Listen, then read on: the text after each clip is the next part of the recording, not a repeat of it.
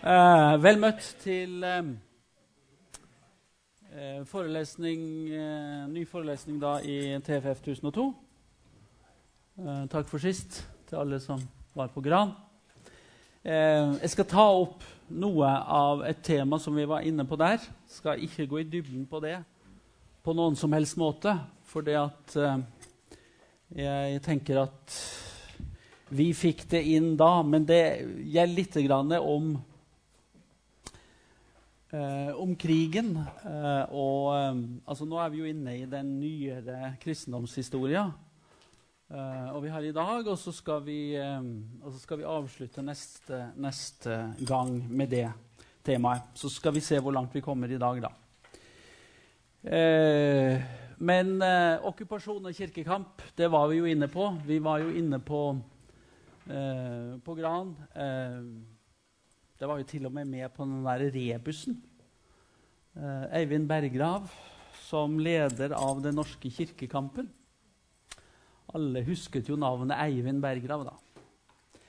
Um, og um, dette med Quislings statskupp over radio, og samtidig um, hele denne situasjonen som var prega av kaos og forvirring. Vi var også inne på biskop Berggravs rolle, aktive rolle, eh, i forbindelse med opprettelsen av administrasjonsrådet og forhandlingene om et riksråd våren 1940. Uh, eh, men så trekker han seg ut. Men han gikk altså veldig langt som vi var inne på, i å forsøke å, å tekkes tyskerne. Så ble han på en måte sur, og så trakk han seg ut. Og det redda skinnet hans, hvis vi kan, hvis vi kan si det sånn. Han var da ikke med da eh, presidentskapet vendte seg faktisk til kongen og regjeringa og ba dem tre av. Det er Jeg tror vel vi må si at det er av de lite ærefulle ting som er blitt gjort uh, i historia. I hvert fall har man tenkt om det sånn. Eh, men det ble jo mer og mer tydelig eh, at naziregimet og okkupasjonsmakten de ønska en nazifisering av det norske samfunnet. Altså de ville prege det norske samfunnet med nazismens ideer og ideologi. Eh, og det ble mer og mer tydelig for kirkens folk at her måtte man stå sammen. Og Fra høsten 1940 så stilte Berggrav seg i spissen for kirkekampen mot naziregimet og samlinga av en kirkefront. Um, han var jo biskop i Oslo. Og som biskop i Oslo så var han ex officio leder for de andre biskopene. Um, han var preses inter pares, som det så fint heter på latin. Altså han var Eh, han var en preses, en leder mellom like menn. Så, eh, så, eh, så det, er, det, er, det, er, situasjonen fra høsten 1940. Og hans rolle, som vi var inne på på Gran uh, under krigen, uh, var viktig. Kirken ble en nasjonal samlings Eh, faktor i motstand mot nazismen. Og det var virkelig en samla kirkefront. Den var altså økumenisk. Um, og man etablerte et eget kristent samråd i oktober 1940 uh, eh, som uh, viste denne, denne, kirkefronten. Og så skjer det da etter hvert som vi har vært inne på, et brudd med naziregimet. Det brukte vi ganske mye tid på at både biskopene og etter hvert også prestene la ned den statlige delen av embetene sine. Og I den forbindelse så ble det lest opp et eh, skrift, Kirkens grunn, som ble sagt å være et bekjennelsesskrift, eh, som ble da lest opp i forbindelse med embetsnedleggelsen. Eh, og så kom freden, og her, denne, her er denne, denne um, friluftsgudstjenesten på 17. mai på Akershus festning eh, i 1945. Og vi ser det er mange paraplyer. Det betyr at det regna 17. mai 1945. Ganske mye regn, faktisk. Ja. Eh, vi fikk ikke høre forrige gang eh, deler av denne preika til, til Berggrav, hvor han eh, på frigjøringen eh, i forbindelse med frigjøringen den 17. mai snakker om frigjøringen som Guds overraskelse over all forstand. Denne dagen er sannhetens, frihetens og rettferdighetens dag. Vi satt i dødsskyggens dal, og nå, for en mai, Guds overraskelse er ikke til å fatte. Jeg tenkte vi skulle høre et lite utdrag fra denne prekenen, som altså ble holdt for eh, litt over 70 år sia. Ja Yes. Jeg trykker bare ja, stort sett. Så satser på at det går bra.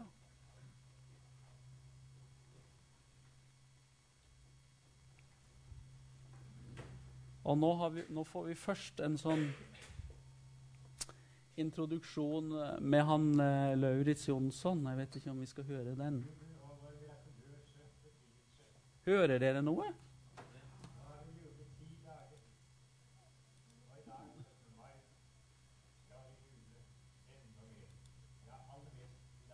Det er fullt her.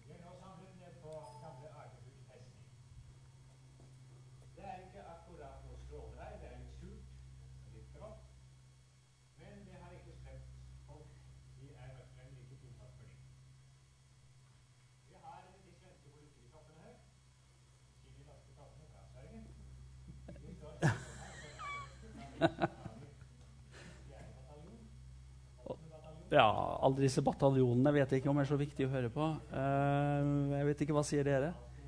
Jeg har lyst til å høre på biskopen. jeg, da. Det tar lang tid, han godeste uh, Lauritz Jonsson.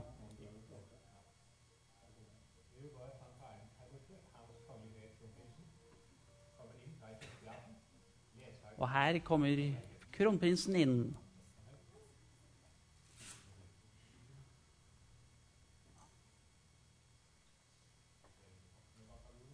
Å, nå er det enda flere bataljoner.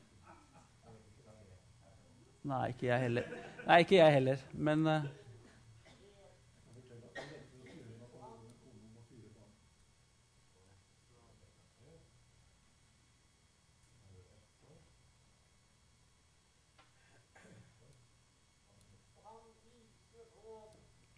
Ja. Der hører dere biskopen, da. Nei, det gjør vi ikke.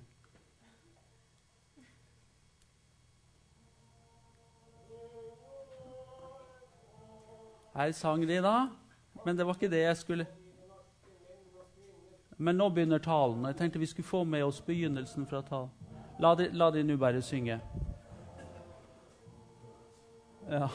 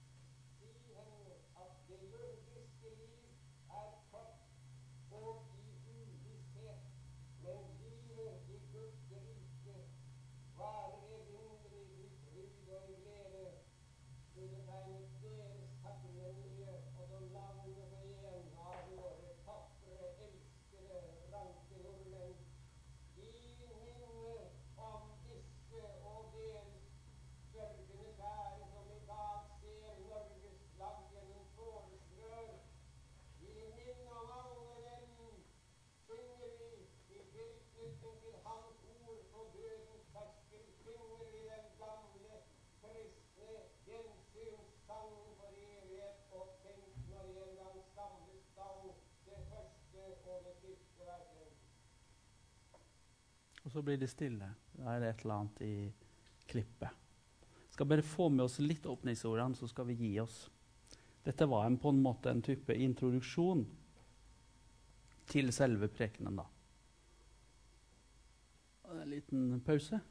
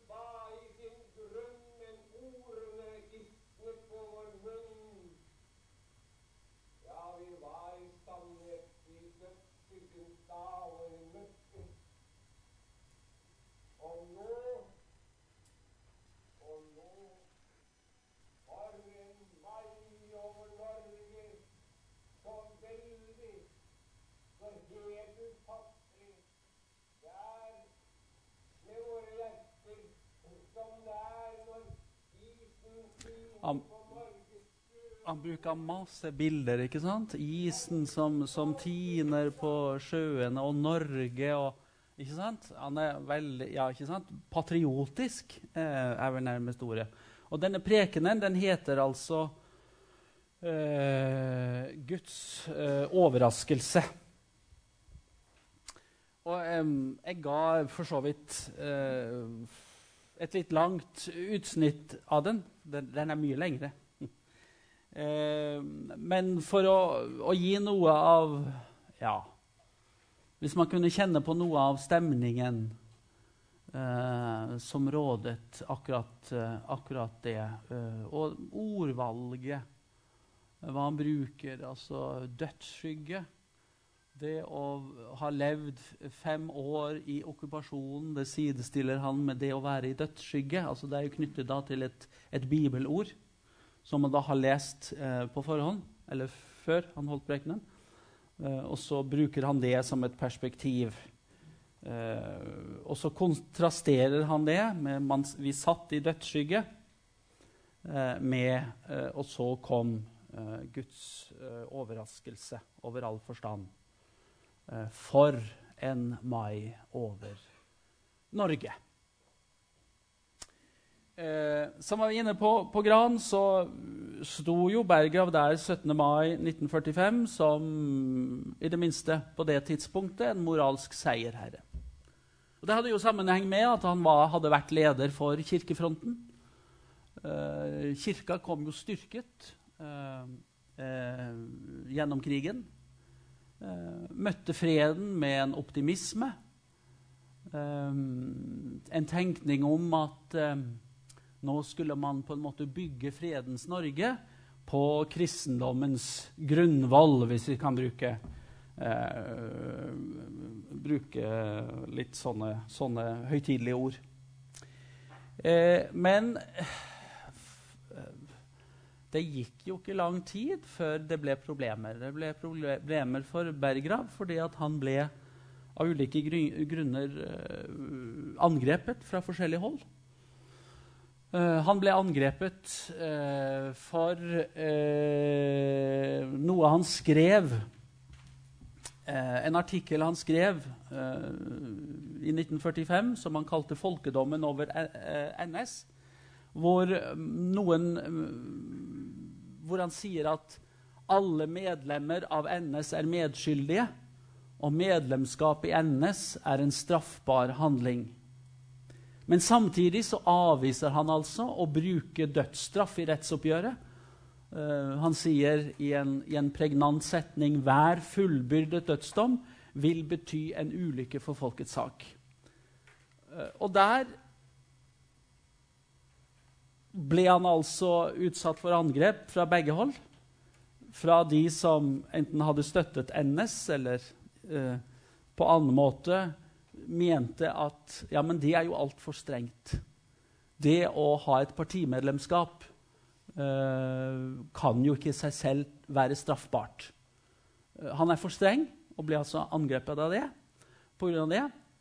Um, og så var det de, og de var nok de mange, som, av, som mente at han var altfor mild når han ikke ønsket å bruke dødsstraff eh, i rettsoppgjøret, det forestående rettsoppgjøret. Og det gikk jo ikke lang tid, altså høsten 1945, så vedtok altså et samla storting eh, å gjeninnføre dødsstraffen i fredstid med tanke på det kommende rettsoppgjøret.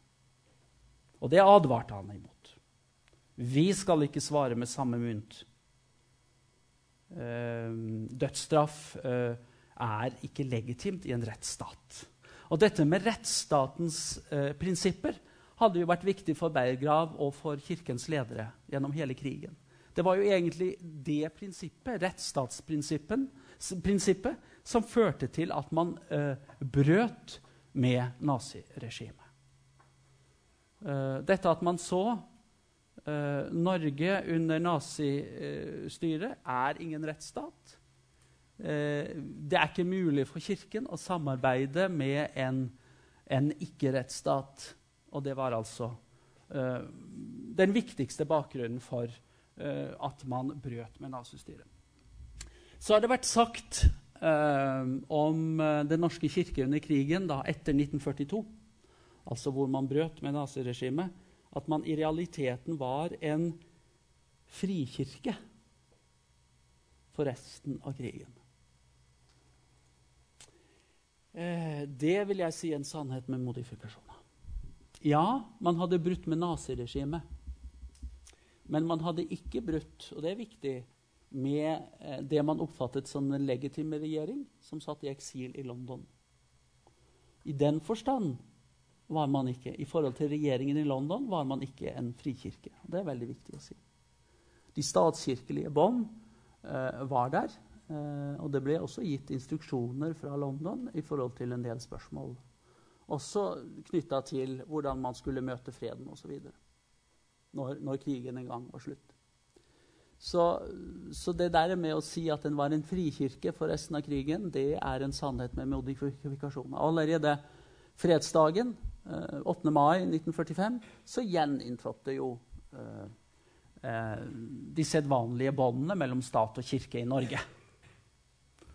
Allerede den følgende dag så var jo biskopene samla i, i Oslo til bispemøte, hvor disse tingene ble, ble effektuert. Ja. Det som jo Berggrav hadde jo jobba med spørsmålet om forholdet til staten. Og han var jo innstilt, som også andre i kirken, kirkens lederskap, eh, på eh, at vi måtte få til en, en, løsere forbindelse mellom stat og kirke. Og Han gikk da inn for et, eh, et, et, et nytt representativt kirkeorgan, et kirkeråd. Og allerede freds, fredshøsten så ble det nedsatt en kirkeordningsnemnd som skulle se igjen på dette spørsmålet om forholdet mellom stat og kirke. Det var klart at forholdet under krigen spilte inn i det. Berger ble leder for dette. Ole Hallesby, som også hadde vært veldig sentral i eh, motstandsarbeidet og i kirkefronten under krigen, eh, ble også med i, i, i denne, i denne nemnda. Uh, og de la fram uh, sitt forslag og brukte forholdsvis lang tid, som sånne komiteer ofte kan gjøre. Uh, men det ble tatt opp av regjeringa. Etter krigen så fikk jo um, I det første valget etter krigen så fikk jo Arbeiderpartiet ren flertall alene. Og vi gikk inn i den perioden som gjerne blir kalt for Gerhardsen-epoken i norsk politikk. og Um, Gerhardsen dannet regjering og ble statsminister.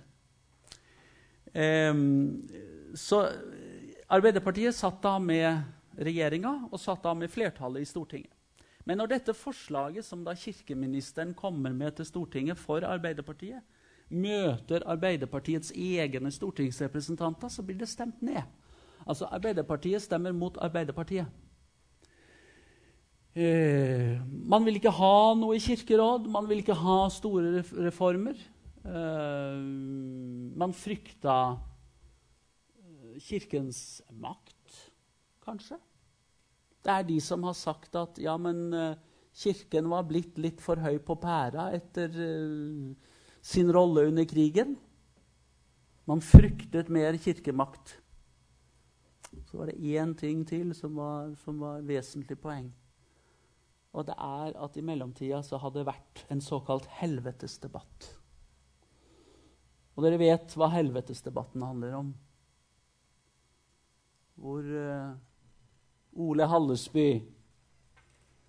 en januardag i 1953 holder tale over radioen fra Storsalen, Indremisjonen storstue i Oslo og truer folk som er uomvendt med helvete.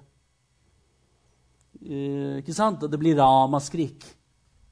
Hvordan går det an?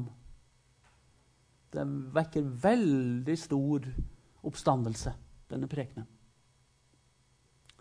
Og det, det, var nok en del kirkekritiske som her sa at ja, men vi kan ikke risikere at disse folkene som Hallesby og hans likesinna får mer makt over denne kirka. Sier sentrale personer i Arbeiderpartiet. Vi, vi, vi, vi kan ikke det. Så blir hele opplegget torpedert. Så blir det ikke noe kirkeråd. Dere har sikkert hørt denne helvetes preika til, eh, til Ole Hallesby. Jeg kom det nordnorske igjennom. Eh, til Ole Hallesby, hvor han, hvor han truer Bare får et lite klipp, så kan man jo vurdere var dette så tøft? Er dette for slags tull? Du skal jo ikke inn her, du. Det vil si, det skal du jo, men ikke men som lyd. Der ser du, altså. Dette her funka ikke. Høyreklink på Uh, hva sa du nå? Kontroll C, og så B? Ja. Kan ikke du gå opp? Ja, kom opp. Kan alle høre meg? Ja, nå har du anledninga til å holde en tale. Og for en mandag Nei, tirsdag.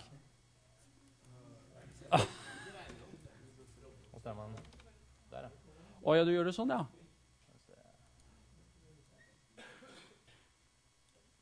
Så tar jeg bare kontroll C. Ja. For da klipper du til den ja. Hva heter det? Ja. Og så kan jeg bare ta her, for eksempel. Og så kontroll V. Ja.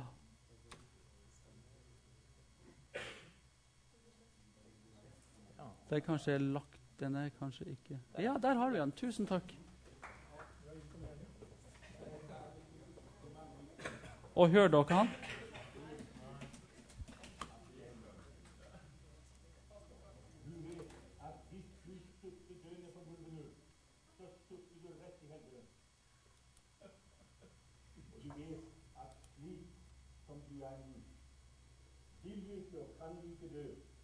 Du må bli omvendt først. Men du vil ikke omvende deg nå. Vet du, min venn, det er ikke bare Gud som preker om mennesker, også Satan. Satan preker. Han tar det når bibelske tekst. Da han flyttet Jesus, så begynte han slik. Der står skrevet fram, og så siterte han et helt vers fra Gamle Når han preker om mennesker, så sier han det står skrevet at du må omvende deg, ellers så går du, får du, kommer du helvete. Men, sier han, det haster jo med ting ikke slik som alle disse predikanter og prester stadig forteller. Dette tror jeg er Satans fiendespill. Han får menneskene til å tro at de vil omvende seg til Og det gir dem mot til å leve uomvendt. Hvordan kan du, som er uomvendt, hvordan kan du legge deg rolig til å sove om kvelden? Du som ikke vet, enten du våkner i din seng eller i helvete. Jo, ganske ikke det. Du kan legge deg rolig til å sove fordi du mener du omvender deg til. Kunne du spørre hvem som er i helvete i dag, om ikke de vil omvende seg, så vil de sikkert være i helvete? De ville aldri omvende oss. Ja, dette var bare et lite utsnitt uh, av denne berømmelige preika uh, til, Ol, uh, til Ole Hallesby. Eh, var dette så tøft, da? Hvorfor tror dere at den vakte sånn debatt, sånn strid, sånn furore? Ja?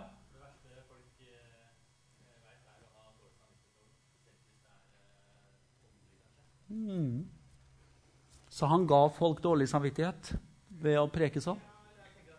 Mm. Mm. Mm. at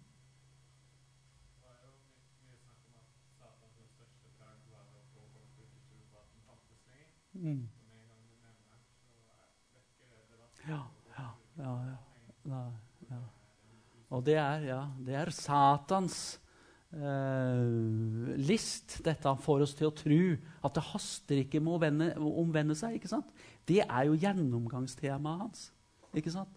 Ikke sant? Man lever uomvendt, for det haster ikke så. Og det er Satan som eh, får oss på den overbevisninga.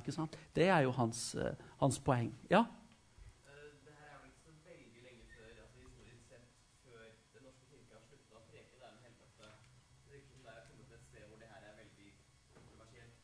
Mm.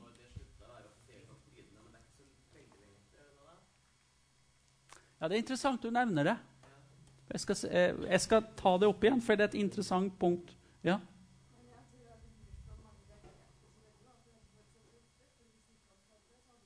Nei, nei, ikke sant? ikke sant? Og tross alt så var det noe som lå her, og som rørte ved noe. Ja. Og, og, det var enormt, ikke sant? Fordi at uh, jeg, har, jeg, jeg har sett på avisinnlegg i en del utvalgte norske aviser uh, gjennom 1953. Det raste jo en debatt i alle avisene, helt fra Finnmark Dagblad i nord til uh, Kristiansand i sør. Og du vet, Det var ikke bare teologer og, og sånne som engasjerte seg. Det var folk flest. Folk flest hadde et innlegg for og imot helvete. Det var et engasjement uten like. Og det er klart at på en eller annen måte var det noe som var truffet her. Eh, skulle du si noe? Altså, ja. Jeg tror jo også at det lå en litt annen pragmatisk tilnærming. Ja. Fordi at man tradisjonelt sett hadde opplevd at kirken hadde gått i en litt mer eh, Mm. forretning. Hadde Mm. kommet fra et hvilket som helst indremisjonsk uh, av en lekepredikant, Mm. hvor som helst i kongeriket, så hadde ingen reagert. egentlig. Men det Nei. var fordi at han Hallesby også var en meget fremtredende kirkeperson. Det var han. Og det, jeg tror rett og slett det også lå noe skuffelse, fordi at Kirken hadde jo på mange måter gjennom hele 30-tallet og gjennom det som skjedde i tilknytning til krigen etterpå, Ja.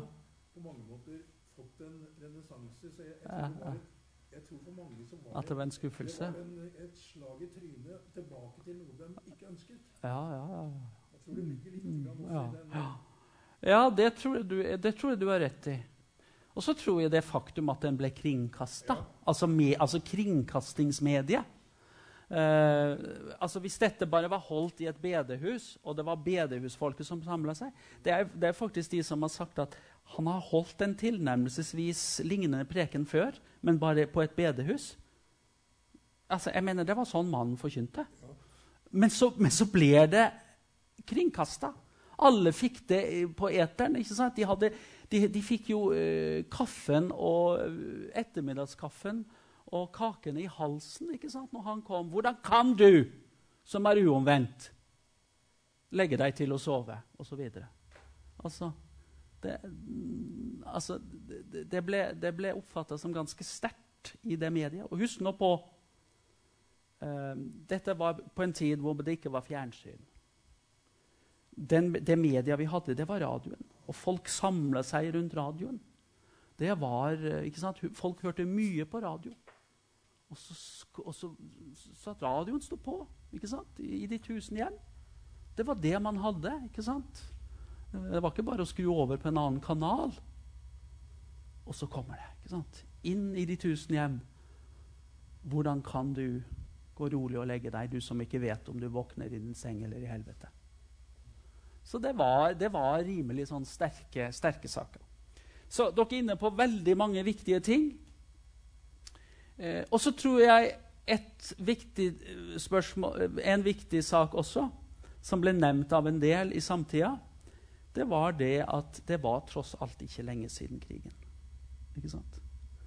Og det var faktisk de som uh, Dagbladet, f.eks., som jo var veldig kritisk, eh, skrev vel på lederplass at Hallesby gjør Gud Altså ved å forkynne helvete, så gjør eh, så gjør eh, Hallesby Gud til en kjempe-Hitler. Altså? Altså, det er, det er eh, eh, det er, det er eh, ekkoet fra krigen. Den er ikke langt borte. Det hadde vært mye lidelser, uh, mye brutalitet. Altså, ikke sant? Man hadde det i seg.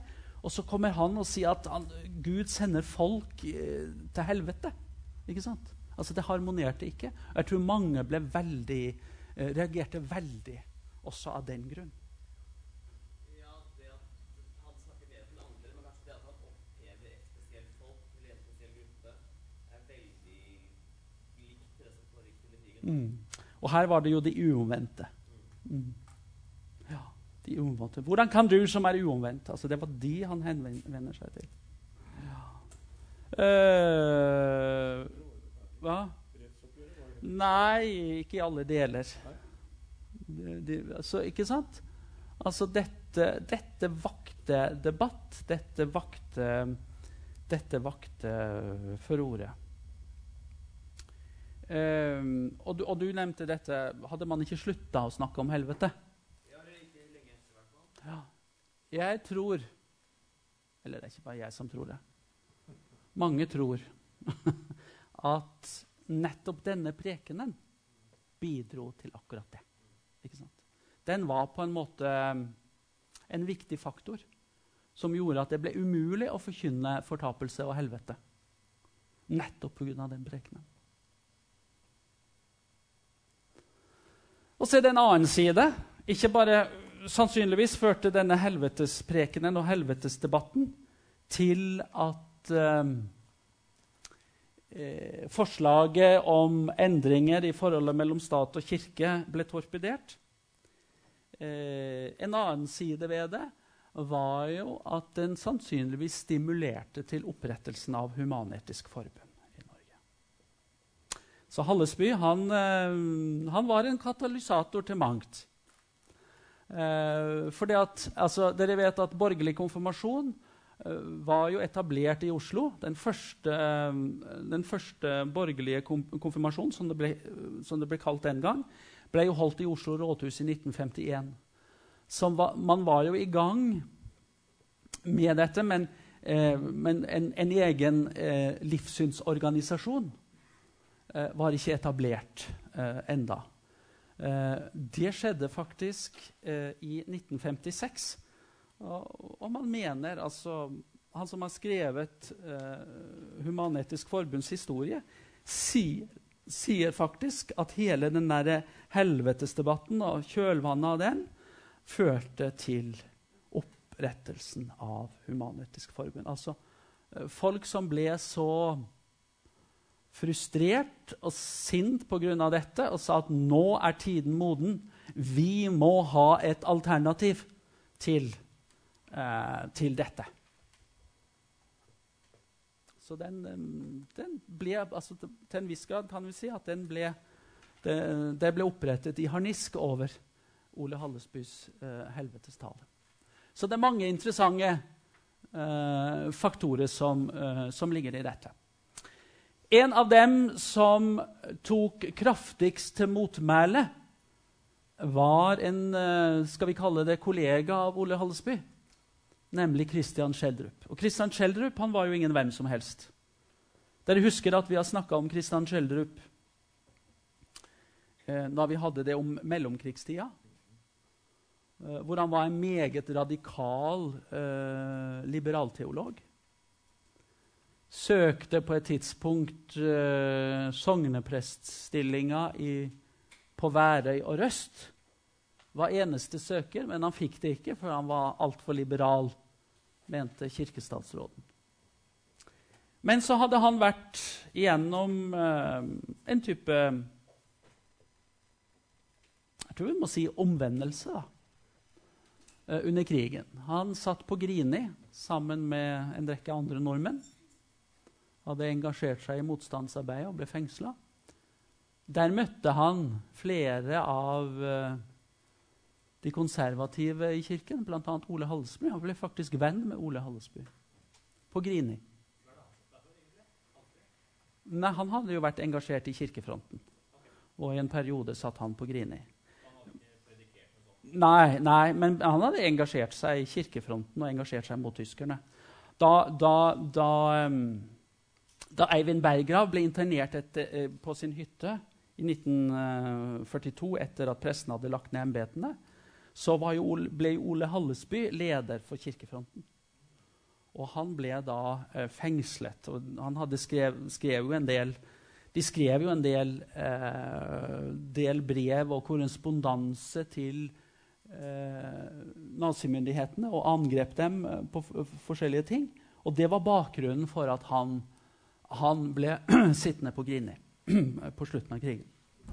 Og der møtte han altså, møtte han altså um, Skjeldrup.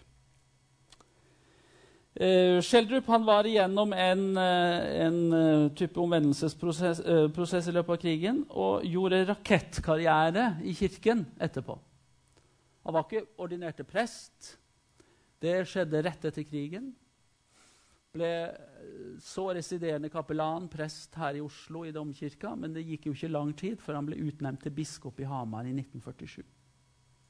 Så i 1953 så sitter Kristian eh, Schjelderup som biskop på Hamar. Eh, og det er som biskop på Hamar eh, at han da angriper Hallesby for hans, eh, hans helvetespreken. Og han bruker det samme argumentet som du nevner i forhold til at dette er ikke sunt, eller dette er uh, altså, mental, altså, Han bruker på en måte det mentalhygieniske uh, uh, argumentet mot Hallesby. Han sier, 'Hva må ikke dette kunne føre til med folk som er litt dårlige i nervene eller syke sin? Du kan ikke forkynne sånn ut i eteren til alle sammen. Og det Ole Hallesby egentlig gjør i prekenen, sier Schjelderup, det er jo å true med helvete for at folk skal tro. Og tvang til å tro, det har Schjelderup ikke noe tro på i det hele tatt. Så han angriper, han angriper han skikkelig for dette. Og det er da det for alvor blir en helvetes debatt. Og på mange måter en debatt mellom uh, hvor altså Hallesby og Schjelderup blir motpolene.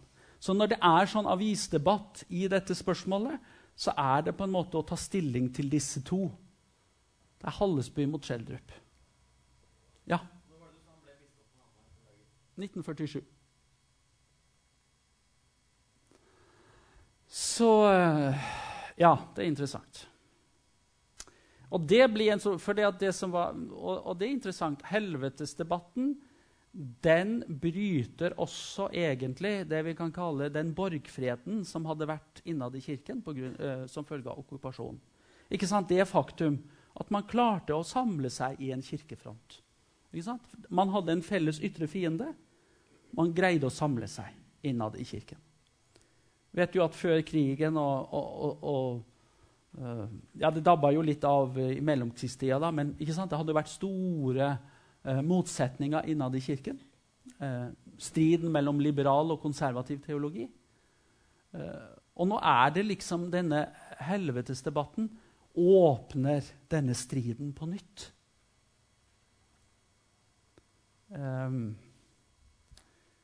og Ole Hallesby sier jo rett ut ja, det sa han tidlig. Men han gjentar det med styrke uh, i 1953. Den liberale teologi var ikke død. Den er ikke død. Altså, Det vi oppnådde under krigen, var ikke nødvendigvis at de liberale sluttet seg til bekjennelsen. Men vi, vi klarte å få en fred uh, innad. Men striden og uoverensstemmelsene de lå der like fullt. Den liberale teologi er ikke død, sier han. Eh, det som er interessant med Schjelderup, og som gjorde at han ble veldig angrepet fra de konservative for sitt angrep på Hallesby Det var ikke bare det han sa at det var ikke lurt sjelesørgerisk eller forkynnelsesmessig å si det han sa over radioen. Det er det at Schjelderup går et stykke lenger enn som så. Han sier nemlig at læren om et helvete det hører ikke hjemme i den kristne tro. Og da blir han virkelig hovedskyterskive fra de konservative.